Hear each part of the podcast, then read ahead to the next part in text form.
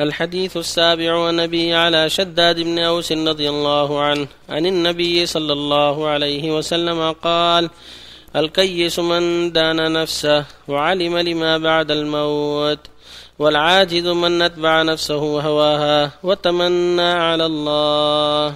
رواه الترمذي وقال حديث حسن. قال الترمذي وغيره من العلماء معنى دان نفسه أي حاسبها الثامن عن أبي هريرة رضي الله عنه قال قال رسول الله صلى الله عليه وسلم من حسن إسلام المرء تركه ما لا يعنيه. حديث حسن رواه الترمذي وغيره. التاسع عن عمر رضي الله عنه عن النبي صلى الله عليه وسلم قال لا يسأل الرجل فيما ضرب امرأته. رواه أبو داود وغيره. بسم الله الرحمن الرحيم الحمد لله صلى الله وسلم على رسول الله وعلى اله واصحابه ومن اهتدى بهداه اما بعد فهذه الاحاديث الثلاثه المرويه عن النبي صلى الله عليه وسلم كلها تتعلق بالمراقبه والعنايه بما ياتي العبد وما يذر وان يحاسب نفسه ويراقب ربه في كل اعماله حتى لا تقع منه الزله والهفوه وهو لا يشعر ومن هذا ما جاء في الحديث الكيس من دان نفسه الكيس يعني الحازم الفطن القوي من دان نفسه يعني من حاسبها وجاهدها حتى لا يقع منه إلا ما يوافق الشرع. والعاجز من أتبع نفسه هواها وتمنى على الله. في الوقت الآخر يتمنى على الله الأماني. فالحازم الموفق الراغب في أسباب النجاة هو الكيس الحازم هو الذي يحاسب نفسه هو الذي يدينها يحاسبها. يجاهدها. حتى لا تقدم إلا على ما يرضي الله أو ما أباح الله. أما العاجز هو ضد الكيس وهو المتساهل الذي تغلبه نفسه ويغلبه هواه هو الذي يتبع هواه ولا يبالي. إذا عن له شيء تابع الهوى وهذا هو العاجز وهو المفرط وهو المخاطر. قال تعالى ولا تتبع الهوى فيضلك عن سبيل الله. قال جل وعلا ومن أضل من اتبع هواه بغير هدى من الله. ويقول صلى الله عليه وسلم من حسن إسلام المرء تركه ما لا يعنيه من حسن إسلام المرء وإيمانه عدم تشاغله بما لا يعنيه شيء لا يعنيه ولا يهمه ولا شرع الله له العناية به يترك ويعرض عنه. شؤون الناس التي لا تعنيه ولا يترتب عليها أمر معروف ولا نهي عن منكر يعرض عنها ولا يدخل نفسه فيها. فإن هذا من العبث أما ما له في شأن من أمر معروف نهي عن منكر إصلاح بين الناس إلى غير هذا من وجوه خير لا بأس. فالمؤمن إذا أراد أن يدخل في شيء يتأمل فإن كان في شيء فيه خير وأجر دخل وإلا فليعرض عن ذلك. ومن حسن إسلامه وإيمانه ألا يدخل فيما لا يعنيه.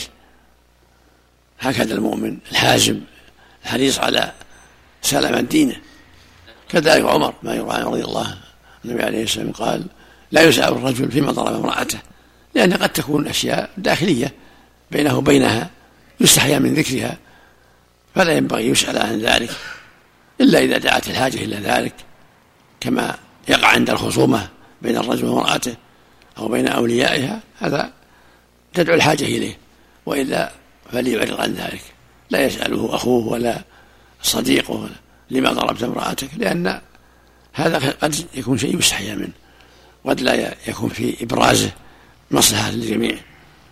والزوج أعلم بأحوال امرأته وما يجري بينهما والمشروع له التحمل والتصبر وعدم الضرب وعلاج الأمور بغير الضرب.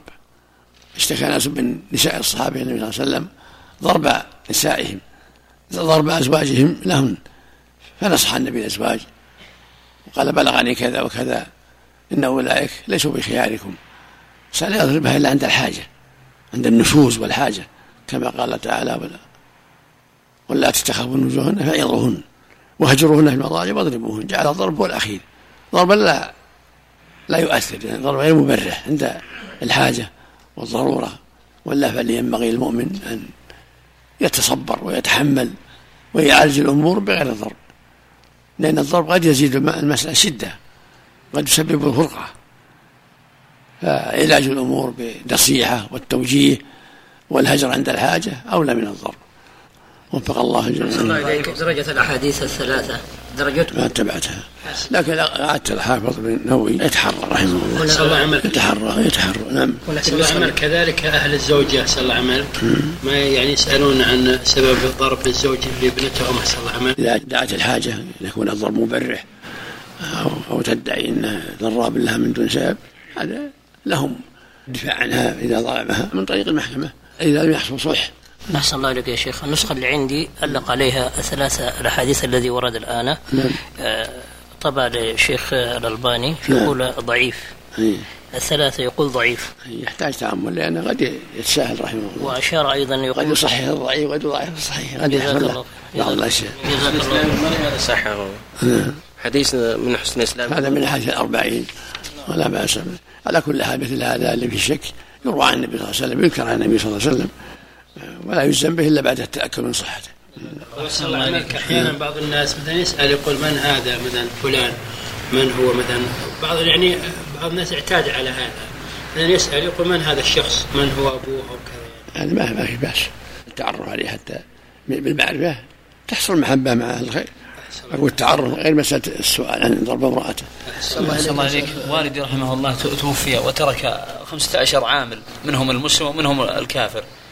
ومسرحين يعملون يعني على حسابهم. فما هو الواجب الآن على الورثة أن يفعلوه؟ شلون؟